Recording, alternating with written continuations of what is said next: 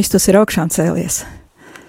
Ir pirmdiena, 16. aprīļa vakars, pulkstenis studijā rāda 22 un 1 minūti, un pienācis laiks raidījumam vairāk tevis manī. Studijā, kā vienmēr, esmu es, Sandra Preisa, un atgādinu arī raidījumu kontaktus.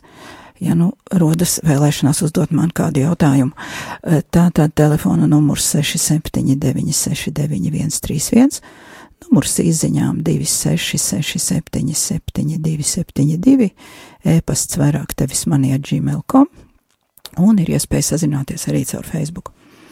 Šīs dienas tēma īsumā Uh, iepriekšējo raidījumu pabeidzu ar jautājumu, vai vienmēr ir tā, ka cilvēks, kurš tiek mīlēts, arī pats sāk mīlēt. Uh, tātad šo tēmu mēs šodien arī uh, pie tās atgriezīsimies. Tāpat vēlreiz ieskatīsimies pāvesta dokumentā par ceļu uz svētumu, mazliet arī pieminēsim tūkstnešu tēvus, ies, ielūkosimies psihologu pieredzē un visu šo pārdomu mērķis tuvoties kādām jaunām zināšanām, atpazīt situācijas savā ceļā uz svētumu, kuras mums var sagādāt uh, tādus pārbaudījumus, kas izra var izrādīties mums pašiem nepanesami. Tā tad ir jāatpazīst situācijas, kurās mēs varam būt pazemīgi un pacietīgi un pārbaudījumus panest un toties svētumam, bet ir jāatpazīst situācijas, kuras var būt traumējošas un kuras drīzāk mūs ievedīs depresijā, traumās un nevis aizvedīs tuvāk svētumam. Bet tagad lūksimies Dieva tēva un dēla un svētā gara vārdā Āmen. Debesis karaliene līksmojies, aleluja! Tas, ko tu kā bērnu nesi, aleluja! augšām cēlies ir kā teicis, aleluja! Lūdzu Dievu par mums, aleluja! Priecājies un līksmojies jaunā Marija, aleluja! Jo kungs patiesi ir augšām cēlies, aleluja! Lūksimies! Dievs, tev ir lapaticis ar savu dēlu mūsu kunga Jēzus Kristus augšām celšanos, iepriecināt pasauli. Mēs tevi lūdzam, aizbilstot viņu mātei Jaunavai Marijai, ļauj mums iemantot mūžīgās dzīves priekus caur Jēzu Kristu, mūsu kungu. Āmen!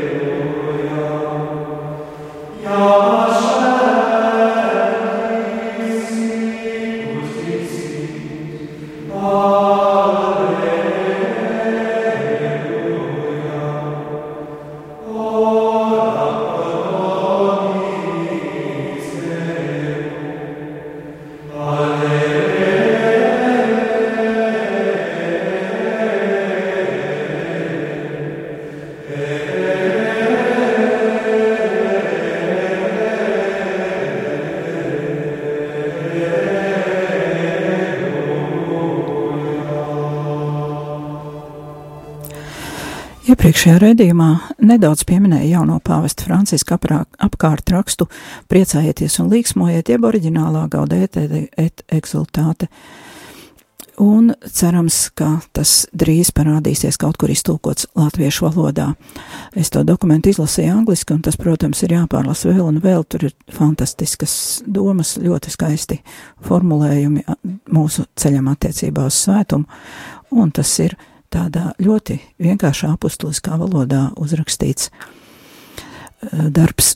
Mm, nav brīnums, ka tas sekoja drīz pēc vēstules klēram plakit deo, jo pirms ķeramies pie nākamās tēmas, daži punkti, kurus mums vajadzētu paturēt prātā, lai mēs paši pārdomājot šodien un nākamajos raidījumos apskatāmo informāciju, nesāktu veidot paši savas herēzes.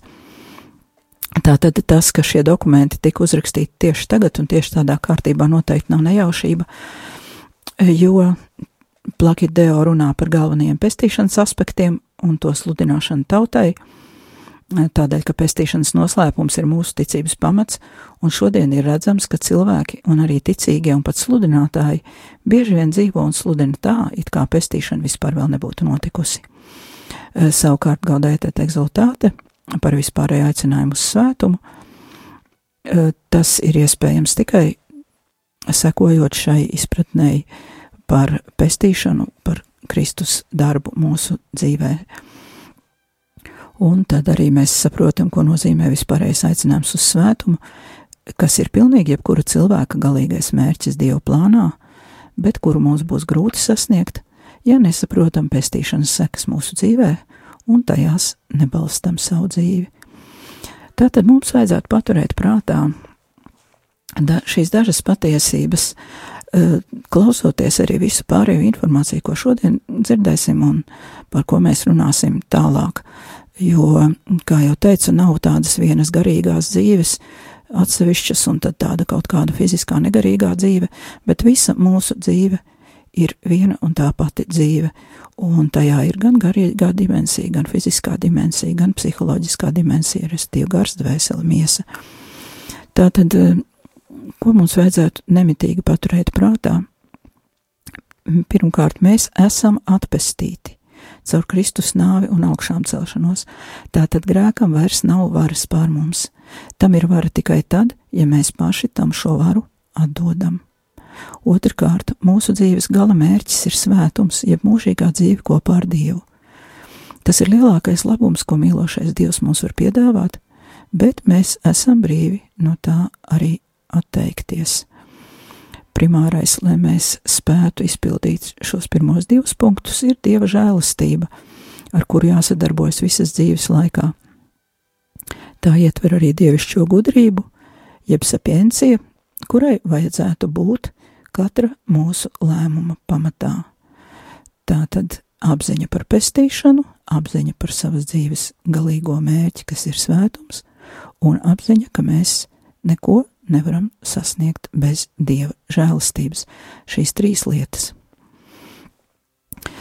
Tā tad arī mazliet vēl atskatoties atpakaļ. Mēs neesam tik vāji, kā mums patīk tēlot, lai attaisnotu savus grēkus. Par to dzirdējām arī fragmentā no Jēnas Katrīnas dialoga ar Dievu. Taču jāatcerās, ka neesam tik stipri, lai drīkstētu nenovērtēt situācijas nopietnību. Tādēļ mums ir jāņem palīdzīgā dieva žēlastība un visa sava pieredze un iegūtā zināšanas, lai pareizi novērtētu situācijas, kurās mēs atrodamies. Jau runājām, ka gudrības iesākums ir spēja atzīt patiesību par sevi. Vispirms savu pilnīgu atkarību no dieva, faktu, ka es esmu radība, kura visu saņem no radītāja. Ejot dziļumā, patiesība par sevi atklāja mums katram savu personīgo ierobežotību, savu spēju robežas un mirstīgumu. Un tad varam šo sevis pazīšanu veikt vēl sīkāk, pētot katru savas dzīves robežu situāciju, kurā mums ir jāpieņem svarīgi lēmumi. Jo labāk spēsim novērtēt situāciju, jo lēmums būs atbilstošāks. Un visu mūsu dzīves lēmumu ķēde arī ir mūsu ceļš vai nu uz svētumu, vai nu uz dzīvi ar Dievu, vai arī uz mūžīgo atšķirtību no dieva mīlestības. Taču gudrība nav nekas abstrakts, kaut kāda brīnuma nūjiņa. Tas arī nav tikai milzīgs enciklopēdisku zināšanu daudzums un akadēmiskie grādi, lai gan nezināšanas, ne grādi nav ļaunums paši sevī. Tas ir labums. Gudrība ir saistīta ar nemitīgu zināšanu apgūšanu un ar šo zināšanu pielietošanu dzīvē. Runājot mūsdienu tehniskajos jēdzienos, mēs varētu salīdzināt to ar mm, kompjuteriem. Datoros var būt savstarpēji nesaistītas mapes ar informāciju, un šīs informācijas var būt ļoti daudz, bet ja tajā nav atbilstošu programmu, un pietiekami lielas operatīvās atmiņas, šo informāciju nav iespējams izmantot, nekādā veidā pielietot. Dievišķo gudrību mēs varētu salīdzināt ar šo operatīvo atmiņu. Šo gudrību nevar iegūt bez pastāvīgas sadarbības ar Dievu, ja vienkāršāk runājot, bez patiesas bērnišķīgas mīlestības, mīlestības attiecībās balstītas lūkšanas. Patiesais cilvēcības mērs, kā atgādina pāvests, ir mīlestības dziļums, kura caurstrāvo konkrētā cilvēka dzīvi un kas ir šīs dievišķās gudrības rezultāts. Pāvests abos minētajos dokumentos piemin divas mūsdienu herēzes, eh, kuras eh, traucē gan saprast pestīšanas noslēpumu mūsu dzīvē, eh, gan arī saprast mūsu mērķus svētumu. Vienu pavests dēvē par neognosticismu, un īsi sakot, tā ir paļaušanās uz, tikai uz izglītību un prātu, kas cenšas visu izskaidrot, aizmirstot par mīlošo dievu klātbūtni, vai, kā pavests pats runā, var izveidoties bīstams sajukums. Saka pāvests, mēs varam iedomāties, ka tāpēc vien, ka mēs spējam kaut ko definēt konkrētos terminos, mēs jau esam svēti, pilnīgāki, un labāki par neizglītotajām masām. Svētais Jānis Pāvils II brīdināja par kārdinājumu tos, kuri baznīcā ir vairāk izglītoti, lai viņi nesāktu justies augstāki par citiem ticīgajiem. Tam, ko mēs zinām un par ko mēs domājam, vajadzētu mūs mudināt ar vien pilnīgāk reaģēt uz Dieva mīlestību. Patiešām teoloģija un svētums nav atdalāmi viens no otra citāta beigas. Tātad zināšanas ir vajadzīgas, un jo mums to būs vairāk, jo vieglāk būs apstrādāt informāciju, bet zināšanas noteikti nav pašmērķis. Tātad varam secināt, ka uh, zināšanas mums ir vajadzīgas, bet arī dieva mīlestība var būt pietiekama tiem, kuriem šo zināšanu kaut kāda iemesla dēļ nav. Otra herēze, kā pāvests to sauc jaunais pele, pelegiānisms, par to pāvests saka tā, to pašu spēku, ko gnostiķi piešķir intelektam, citi mēģina piedēvēt cilvēka gribai un personīgiem sasniegumiem. Tā bija arī ar pelagiāņiem. Tad dieva žēlastības vietu ieņem nevis saprāts, bet gan griba tiek aizmirsts, ka, kā saka apustulis Pāvils vēstulē romiešiem 9.16, tas nav atkarīgs no vēlēšanās, ne no skriešanas, bet no Dieva, kas apžēlojas, un ka viņš pirmais mūs ir iemīlējis, kā saka apustulis Jānis savā pirmajā vēstulē. Nav viegli saprast patiesību, kuru esam saņēmuši no Dieva, saka pāvests, un vēl grūtāk to ir izteikt. Tāpēc mēs nedrīkstam apgalvot, ka veids, kādā mēs to esam sapratuši, dod mums tiesības kontrolēt citu cilvēku dzīves. Šeit es gribētu atzīmēt, ka baznīcā likumīgi pastāv dažādas, vairāku doktrīnas un kristīgās dzīves aspektu interpretācijas. Savā dažādībā tās palīdz precīzāk izteikt Dieva vārda neizsmeļamo bagātību, citāta beigas. Tā tad mums arī šeit, caur raidījumu, ir tiesības tātad diskutēt un pārdomāt šos dažādos kristīgās dzīves aspektus, tādēļ, ka tik un tā viens cilvēks nav spējīgs aptvert visu, un šo dažādību baznīcā mēs redzam arī daudzajos ordeņos un kongregācijās, kur cilvēki apvienojas līdzīgos garīgumos, līdzīgās izpratnēs, un katrs izceļ kaut kādu vienu aspektu, bet visi kopā šie dažādie cilvēki veido vienu baznīcu. Tālāk aicinu klausīties, ievērojot šos pāvesta norādījumus Un vispirmajām kārtām uh, tas, ko šodien pārunāsim, klausīsimies, ir attiecināms katram pašam uz sevi. Atcerēsimies, ko pāvests teica, ka mums nav jā, jāsalīdzinās ar citiem, mums nav jābū, jājūtas par kādu augstākiem, un mums nav jādomā, ka kaut kādas mūsu zināšanas, prasmes vai sasniegumi iedomātā vai reālā svētumā mums dod tiesības kontrolēt un rediģēt citu cilvēku dzīves, tikai savu personīgo.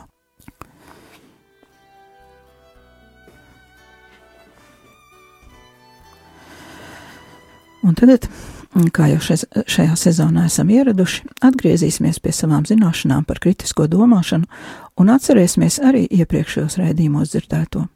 Esam runājuši par sevis pazīš, pazīšanu gan no teoloģiskā, gan arī no kristīgā psihologa Valērija Albisetī skatu punkta un atraduši tajos daudz kopīga.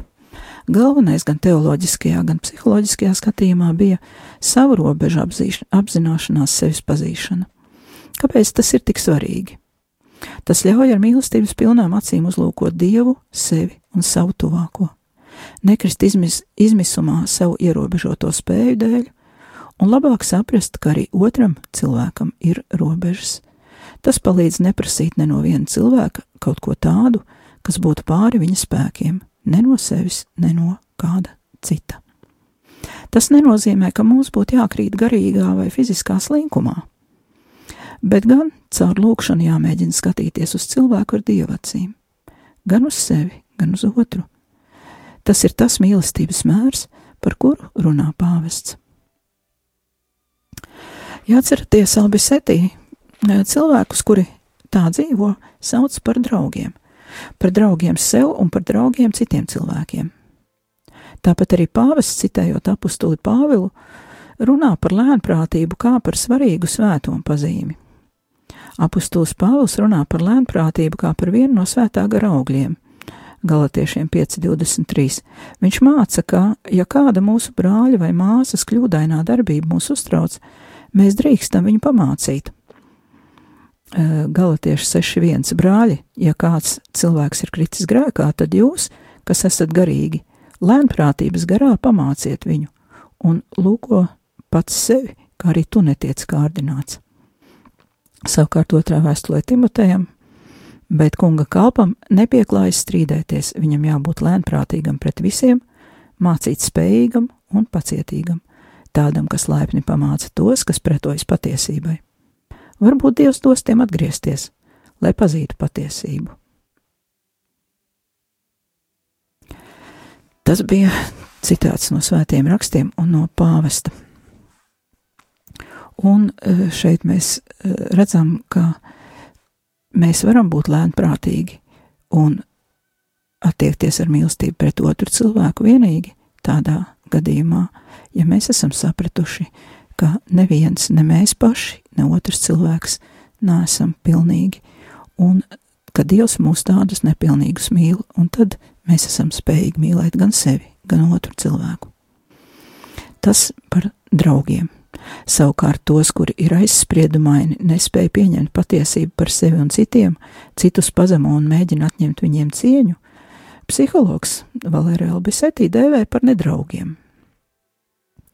Savukārt pāvests herēzēs, kurus viņš piemin savos darbos, arī šajās pazīmēs varam pamanīt šo nedraugu iezīmes – Pāvests piemin tādu paaugstināšanos par citiem savas izglītības vai zināšanu dēļ, lepošanos ar saviem fiziskiem sasniegumiem, svētumu un gandarīšanas jomā, un apkārtējo vērtēšanu zemākus par sevi. Vai arī vērtēšanu virspusēji pēc zināšanām, izskata vecuma, dzimuma vai pat pēc apģērba. 71. punkts pāvesta dokumentā. Savukārt Albisetī saka, cilvēks, kurš nespēja draudzēties, Jutīsies slims, ja ne, neliks otram justies sīkam. Nedraugi nepārprotami traucē tam izaugsmas darbam, ko veids draudzības nesēji, pārvarot personīgo nepilnvērtības sajūtu, savas vājības un ēnas puses. Pazemošana viltus draugiem sagādā baudu. Cilvēki, kuri kļūst par bendēm, nav draugi. Tie ir ļaunākie no ienaidniekiem. Pazemot citu ir sliktākais, ko cilvēks var izdarīt. Tā ir visbriesmīgākā nedraudzīguma izpausme. Pazemošanas aktā attiecībā pret otru cilvēku mēs parādām tās īpašības, kuras noliedzam paši sevī. Patiesa draugs nekad neko nedarīs pretēji mūsu vēlmēm. Patiesa draugs nekad nerakņāsies mūsu apslēptākajās brūcēs ar necienīgu baudkāru un cietsirdīgu skatienu. Nedraugs sagrauj savu upuru dvēseli un izārda tās viengabalainību, cieņu un gribu. Citāta beigas. Vai atceraties, kā es iepriekšējā raidījumā un arī šā raidījuma sākumā pieminēju eh, Katrīnas no Sienas tēzi? Viņa saka, ieraugot, ka tiek mīlēts, cilvēks drīz arī pats sāk mīlēt. Eh, pirms muzikālās pauzītes, pirms runājam tālāk, uzdosim paši sev divus jautājumus. Kāda ir mūsu pieredze? Kāda ir mana pieredze attiecībā uz sevi? Ja es saņemu mīlestību, vai manī rodas dabiska vēlme atbildēt ar mīlestību? Un otrs jautājums. Kāda ir mana pieredze attiecībā uz citiem cilvēkiem? Vai cilvēki, kurus es mīlu un izrādu viņiem mīlestību, atbild man ar mīlestību?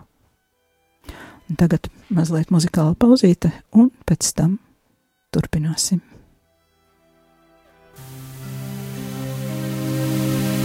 Dievs, mans Dievs, tu esi. Es meklēju tevi no agrā rīta.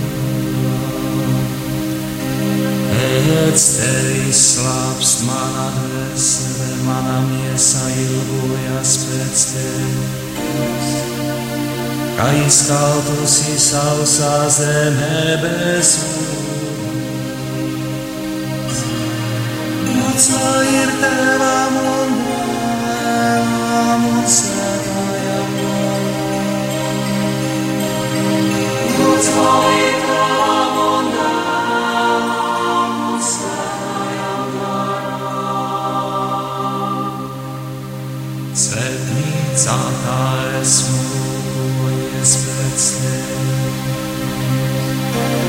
lai redzētu tavu spēku.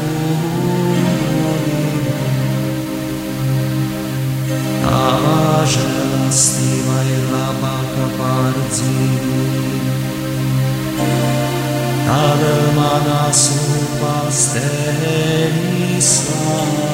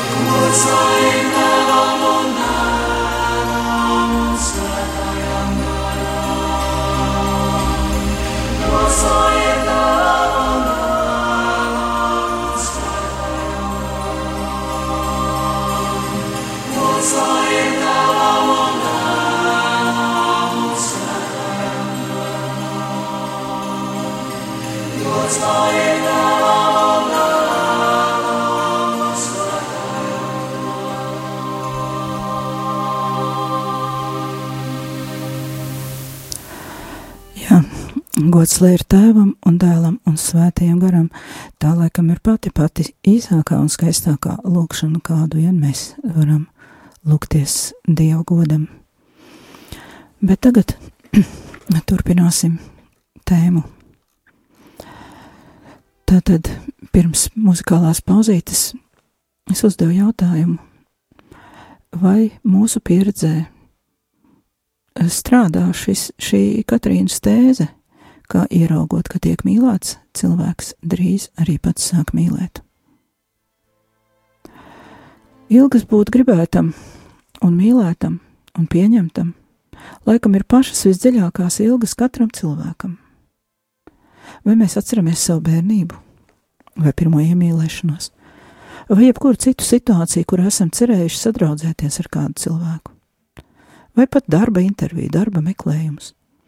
Pilnīgi dabiski cilvēkam ir vēlēšanās tikt pieņemtam, novērtētam, gan pašam personiski, gan arī viņa prasmēm, spējām, izglītībai, darba gadījumā.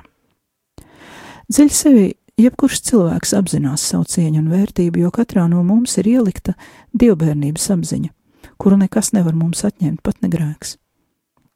Tieši tādēļ jaunais šo cilvēku visdziļāko vēlmi, dabisko tieksmi mēģina padarīt par paša cilvēka ienaidnieku un pagriezt pret sevi, pret cilvēku pašu un pret citiem cilvēkiem. Un šovakar es eh, sākšu tā kā dot kādu informāciju un jaunas zināšanas attiecībā uz to, kā atpazīt situācijas, kurās mēs riskējam gan paši, gan citi vienkārši nostāties viens pret otru. Noteikti esam pamanījuši zināmu cilvēku dalīšanu, tādu kā ielikšanu rāmītī, bet dažreiz bez tā nevar iztikt, jo arī Pāvests, piemēram, definē herētiķus, kuri pēc zināmām pazīmēm veido tādu kā atsevišķu grupu, kura praktizē kļūdainu svētumu izpratni un aicina dzīvot tā, lai mēs, pāvests aicina dzīvot mūs tā, lai mēs nepiedarētu šai grupai. Savukārt Albisetī eh, nodala draugus un nedraugus. Tas ir viņa dalījums konkrētajā grāmatā, kuru mēs eh, skatāmies, lasām. Mēs savā dzīvē noteikti esam sastapuši šādus cilvēkus un, iespējams, pieredzējuši arī cilvēku atgriešanos, arī tādu cilvēku, ko Albisetī sauc par nedraugiem. Patiešām ļoti daudz spēja nesautīga un maiga mīlestība, draudzīgums un protams, kalna svētību realizēšanu savā dzīvē.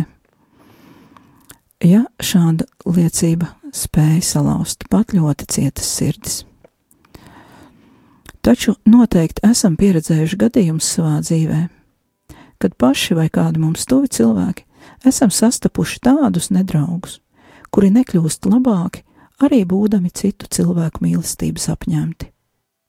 Šeit es gribētu pievērst uzmanību vēl kādam dalījumam, Ir cilvēki, kuri ir vienkārši labāk vai sliktāk audzināti. Viņiem varbūt ir kaut kādas uzvedības problēmas, bet nosacīti runājot, viņi ir bez nopietniem psihiskiem traucējumiem.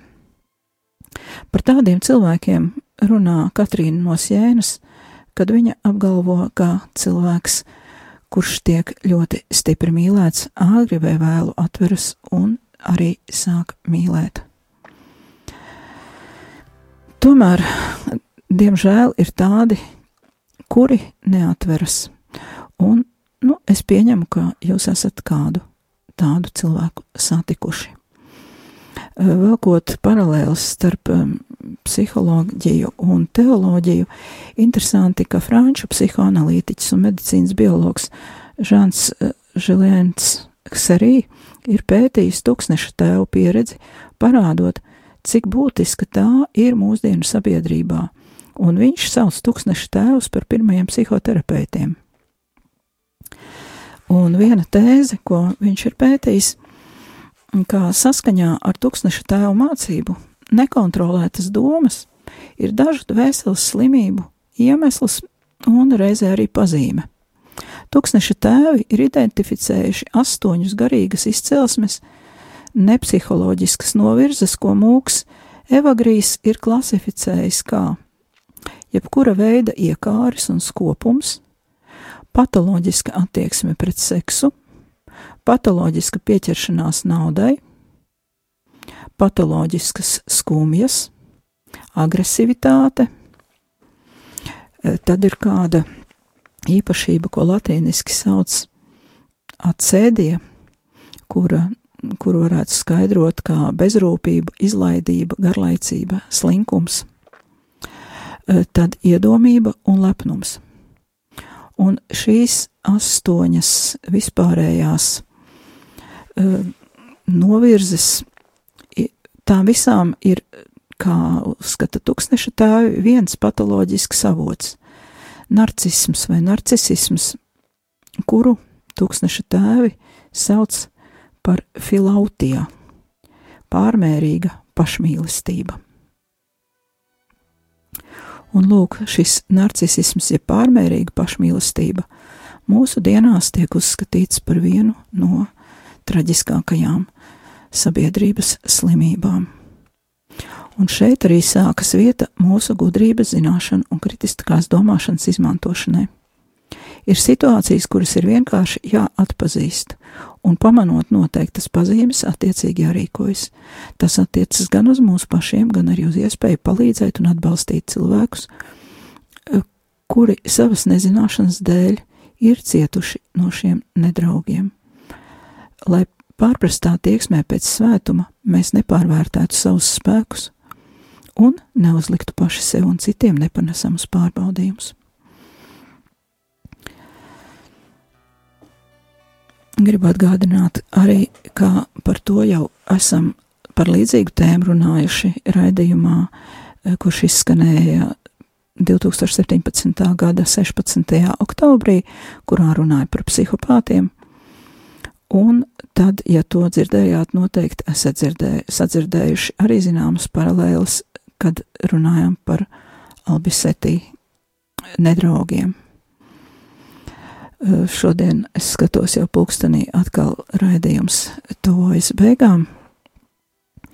Un tā tad nākamajā raidījumā sīkāk par šo otru uh, sabiedrības slimību, par šo nelaimi, kas saucas narcisisms. Uh, tas bija raidījums vairāk tevis manī. Ar jums kopā bija es Sandra Prēsa. Tagad atvados un līdz nākamajai pirmdienai.